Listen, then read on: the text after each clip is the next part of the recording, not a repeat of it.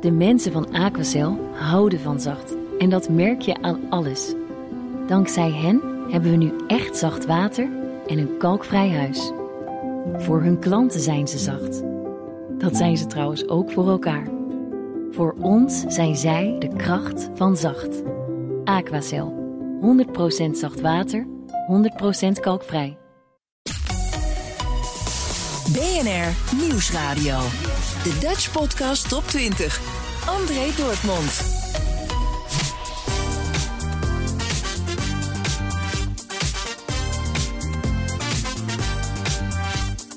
Welkom bij de eerste jaargang, aflevering 7 van 19 februari 2021. Dit zijn de 20 best beluisterde podcasts in Nederland van de afgelopen week en ik zal er een aantal aan je laten horen.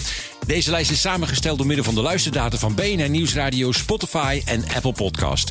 Dit is de Dutch Podcast Top 20 met straks Mathildes Mysterie en de dood van Robert. En ook nog een luistertip van de redactie.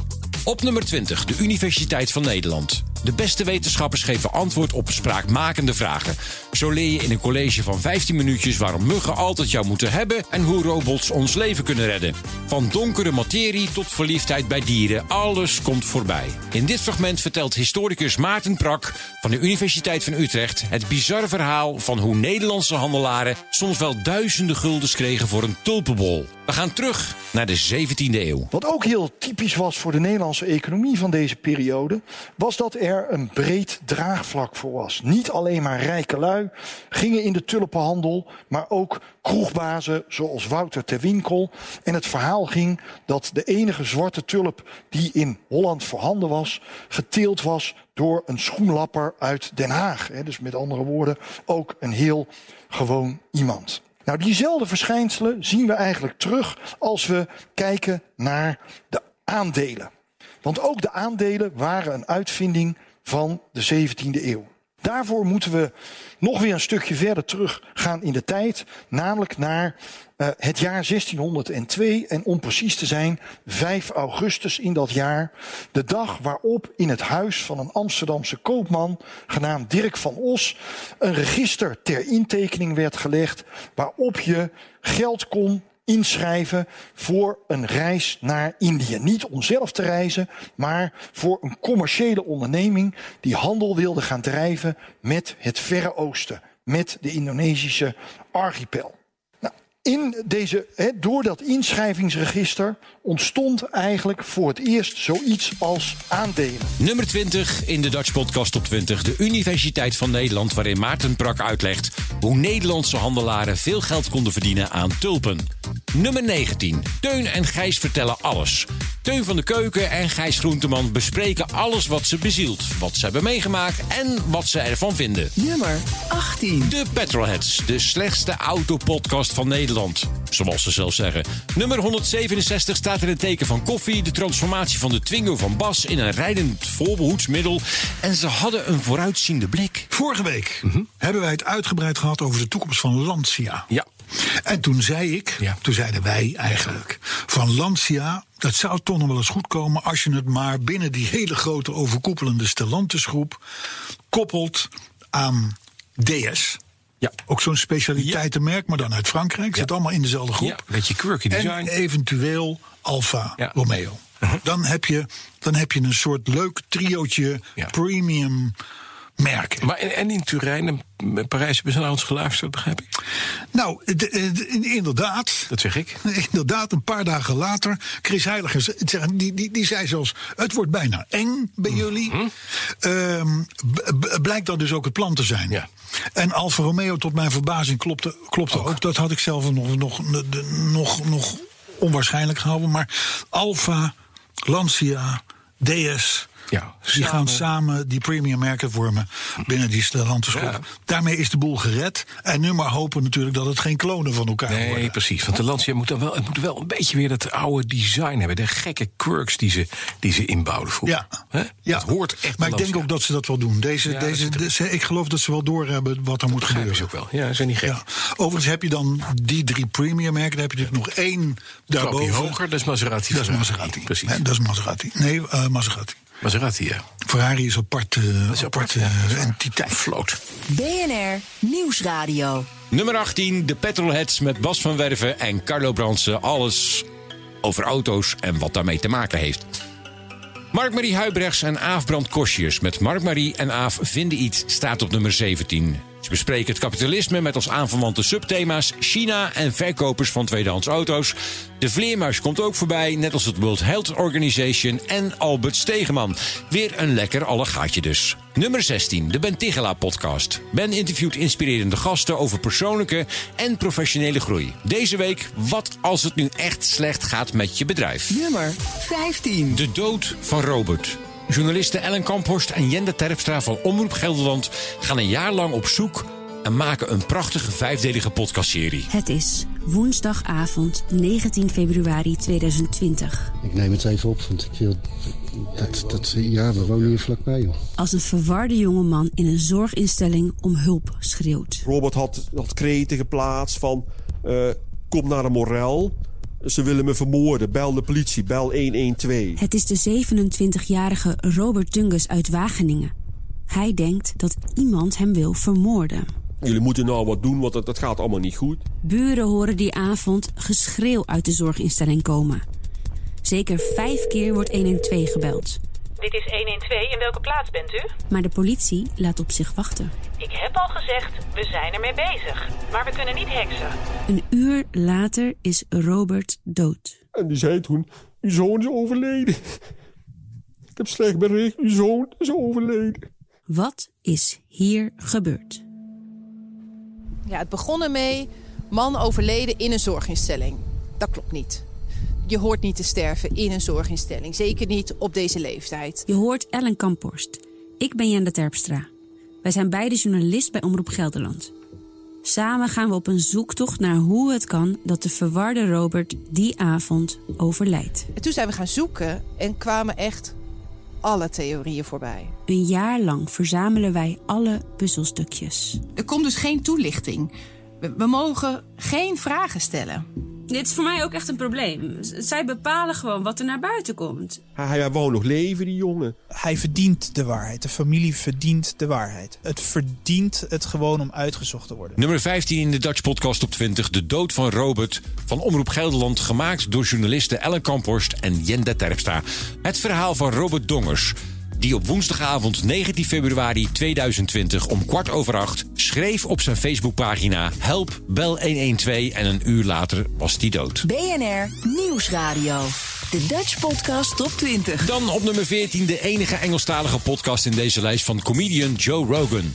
De Joe Rogan Experience. Cody Garbrandt is een martial artist en voormalig UFC bantamweight kampioen. Dan weeg je tussen de 53 en de 55 kilogram.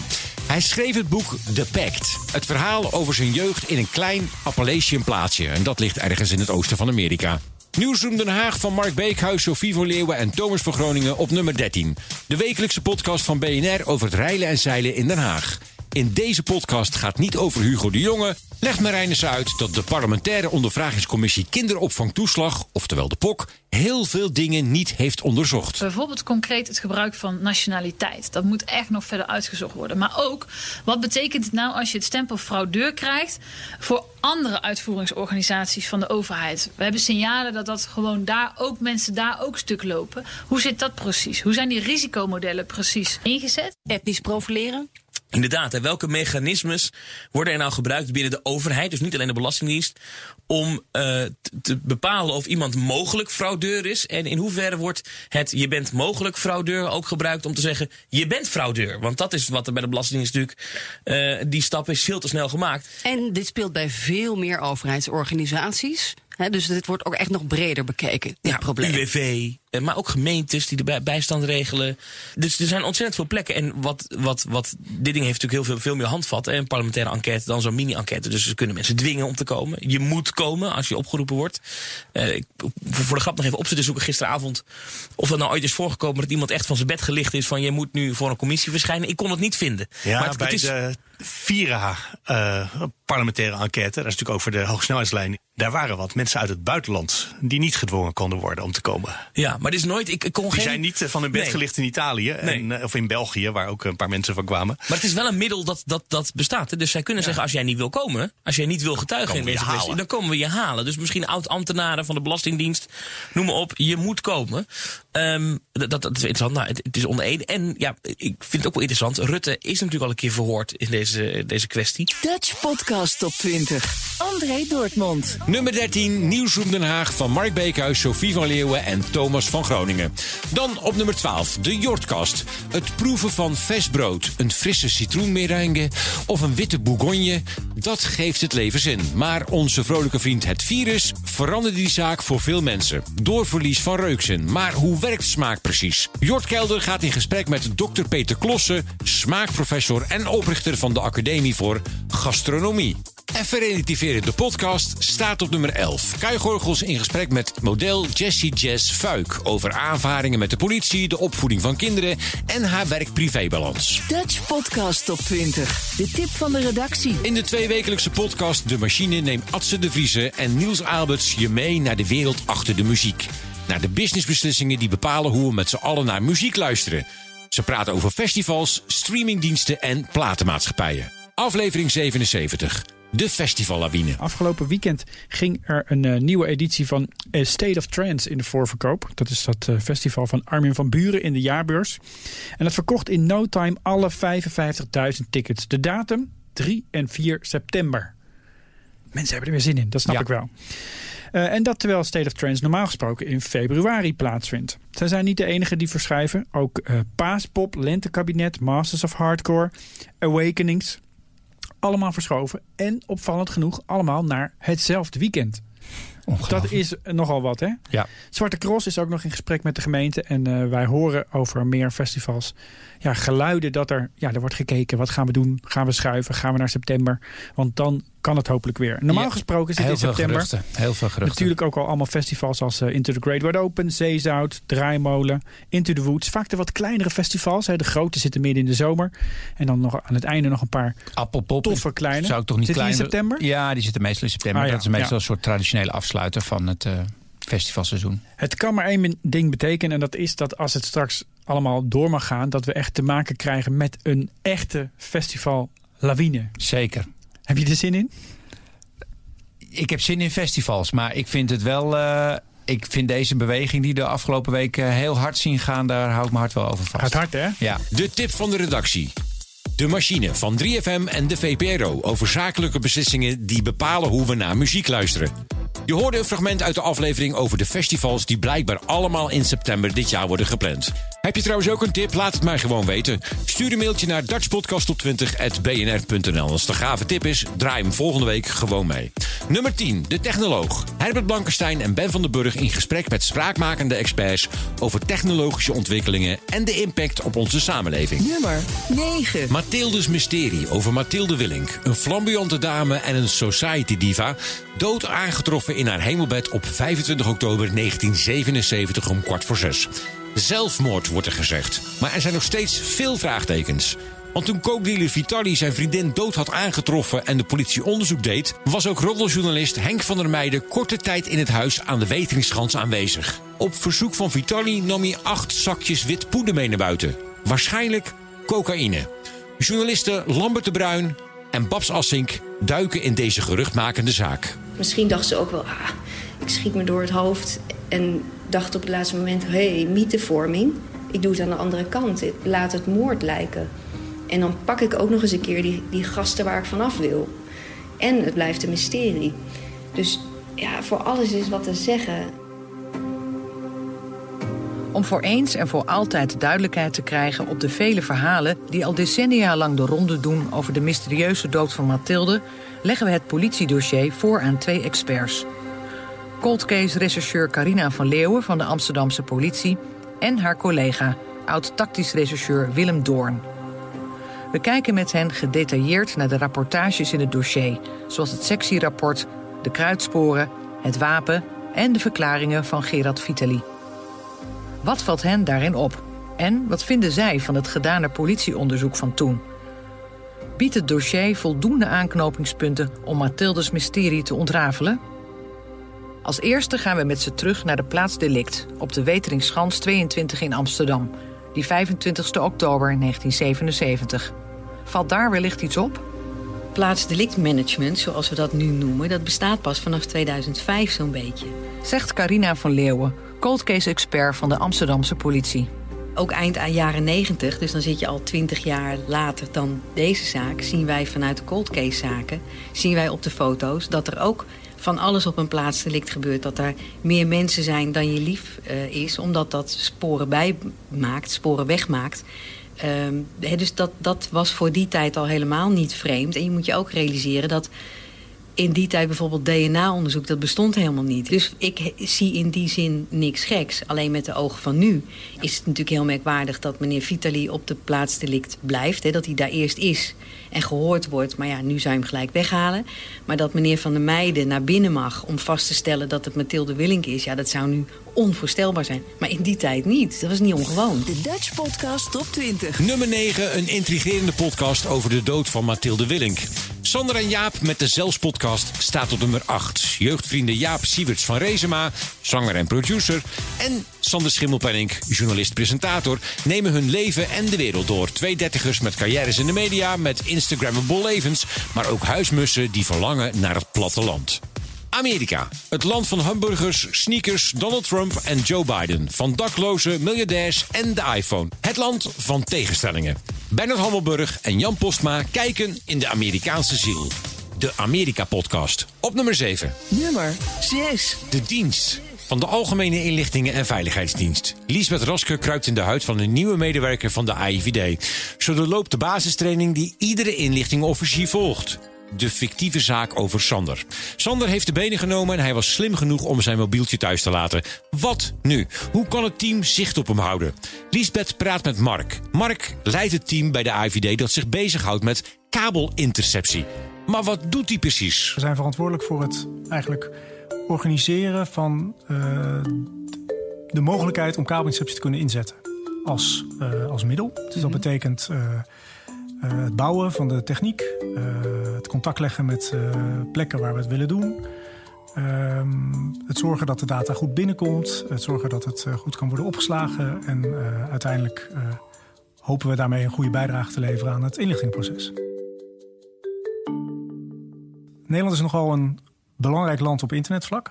We hebben een hele uitgebreide infrastructuur in Nederland. Met heel veel plekken, datacenters, heel veel kabels, zeekabels, landkabels. Um, uh, en het is niet eenvoudig sowieso. Je, het is niet zo dat je met een USB-stick naar een, loop, een, gebouw loopt en dat je daar dan zegt: doe mij maar internetverkeer. Het zijn gigantische volumes, gigantisch veel plekken.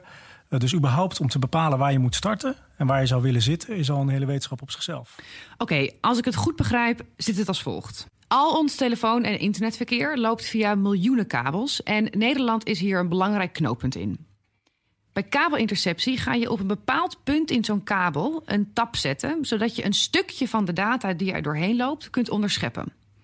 Maar daarbij haal je dus ook veel meer data binnen dan je strikt noodzakelijk nodig hebt. En om die reden is het een heel zwaar middel dat maar zelden wordt ingezet. Maar voordat we daar verder op ingaan, waarom is Nederland eigenlijk zo'n belangrijk knooppunt geworden? Nederland heeft een, uh, is niet, niet overigens geen monopolist of zo. Er zijn natuurlijk heel veel van dit soort knooppunten in de wereld. Ja. Uh, maar het, het, het, het, een, een symptoom van internetverkeer is dat het één vaak redundant uh, wordt uitgevoerd. Dat het op veel plekken dubbelingen zitten in de infrastructuur, zodat uiteindelijk het internet altijd kan blijven staan. BNR Nieuwsradio. De Dutch Podcast Top 20. Nummer 6 was dat, de dienst van de AIVD. Man, man, man, de podcast staat op nummer 5 van Bart Louise, Chris Bergstreum en Domien Verschuren. Over man zijn. Nummer 4. Jong beleggen, de podcast van Pim Verlaan en Milou Brandt. Over beginnend beleggen. Aflevering 39. Pim heeft een boek meegenomen en Milou heeft daar een aantal vraagtekens bij. Er ligt hier op tafel een boek en de titel is Verdubbel je geld in vijf jaar. Beetje foute titel. Vind ik ook eigenlijk helemaal niet bij jou passen. Maar dit ben jij dus aan het lezen. Nee, ja, dat klopt. Het is een beetje een, uh, rare titel. De, de uh, auteur uh, Sam Hollanders, die heeft het ook in, in een van zijn eerste hoofdstukken beschreven... dat de uitgever deze titel wilde. En dat hij er zelf eigenlijk helemaal niet van houdt. Het is een beetje zo'n, eh, ik noem het, eh, op internet zou je dat clickbait noemen. Ja. En, eh, je wordt er eigenlijk een beetje vies van als je die titel leest. Daarom vind ik hem ook helemaal niet staan op jouw tafel. nee, maar het is ook de, het is een beetje hetzelfde als de 4-hour workweek van Tim Ferriss. Het is ook zo'n eh zo'n clickbait titel. Mhm. Net of, of, of hij überhaupt vier uur gewerkt heeft. Maar Ja. het is echt zo'n eh, zo'n titel dat natuurlijk lekker, eh, lekker Ja. klinkt. En dat maakt het misschien voor heel veel mensen misschien makkelijker om te kopen. Maar ik heb dit boek niet gekocht op de titel. Maar op de, Mhm. de reviews die ik, Ah. die ik heb gelezen. Al begonnen? Ja, ik ben op de helft. Nou, ik wil sowieso, heb ik besloten om heel veel boeken te lezen. En ik heb eigenlijk wel gaan alle Nederlandse beleggingsboeken lezen. Ook om een beetje een beeld te krijgen van wat er allemaal is. En dit boek gaat over eh waardebeleggen. Dat is iets waar ik natuurlijk al, eh, al eh, lange tijd over nadenk en naartoe wil gaan. Mhm. Nou, ik heb nog wel een lange weg te gaan. Maar ik merk wel dat hoe meer ik erover lees en hoe meer ik ermee bezig ben, hoe meer ik het begin te begrijpen. Ja.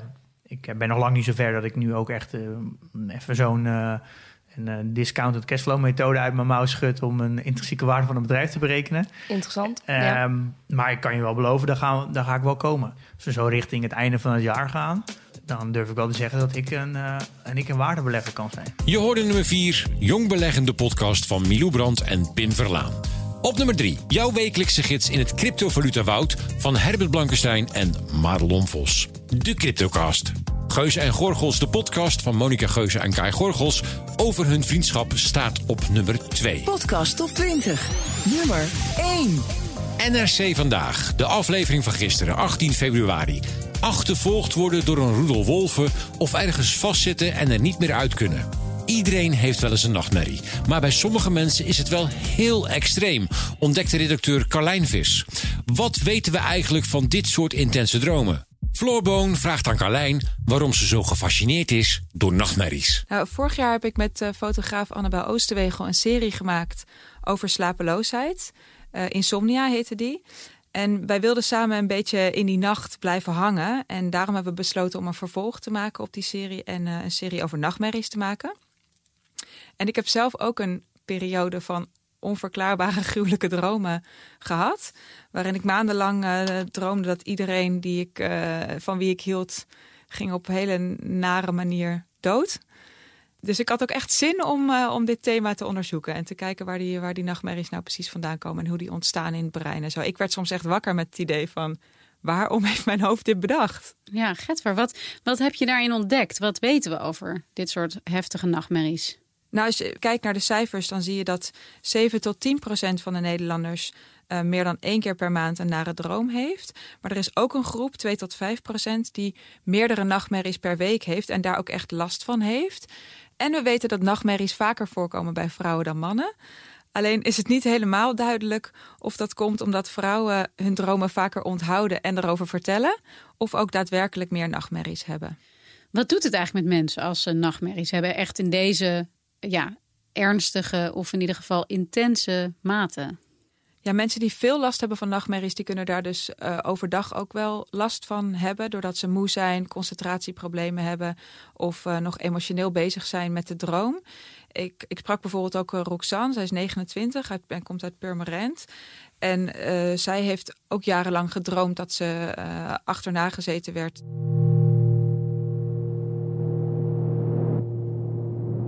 Mijn nachtmerries draait het vaak om angst en om pijn. Um, het opgejaagd worden of juist een ander kwaad doen. Um, het kan beginnen met dat ik uh, bang ben en dat ik weet dat er iemand achter me aan zit. Of op, dat op straat opeens een man mij achtervolgt. En dat kan dan in één keer omslaan en dat ik hem pijn doe of hem aanval.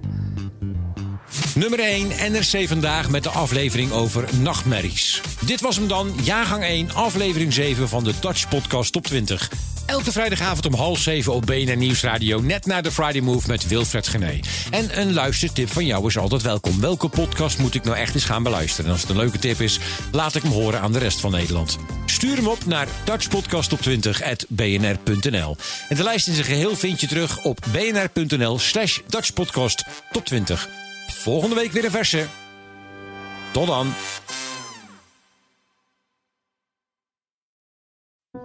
De mensen van Aquacel houden van zacht. En dat merk je aan alles. Dankzij hen hebben we nu echt zacht water en een kalkvrij huis. Voor hun klanten zijn ze zacht. Dat zijn ze trouwens ook voor elkaar. Voor ons zijn zij de kracht van zacht. Aquacel. 100% zacht water, 100% kalkvrij.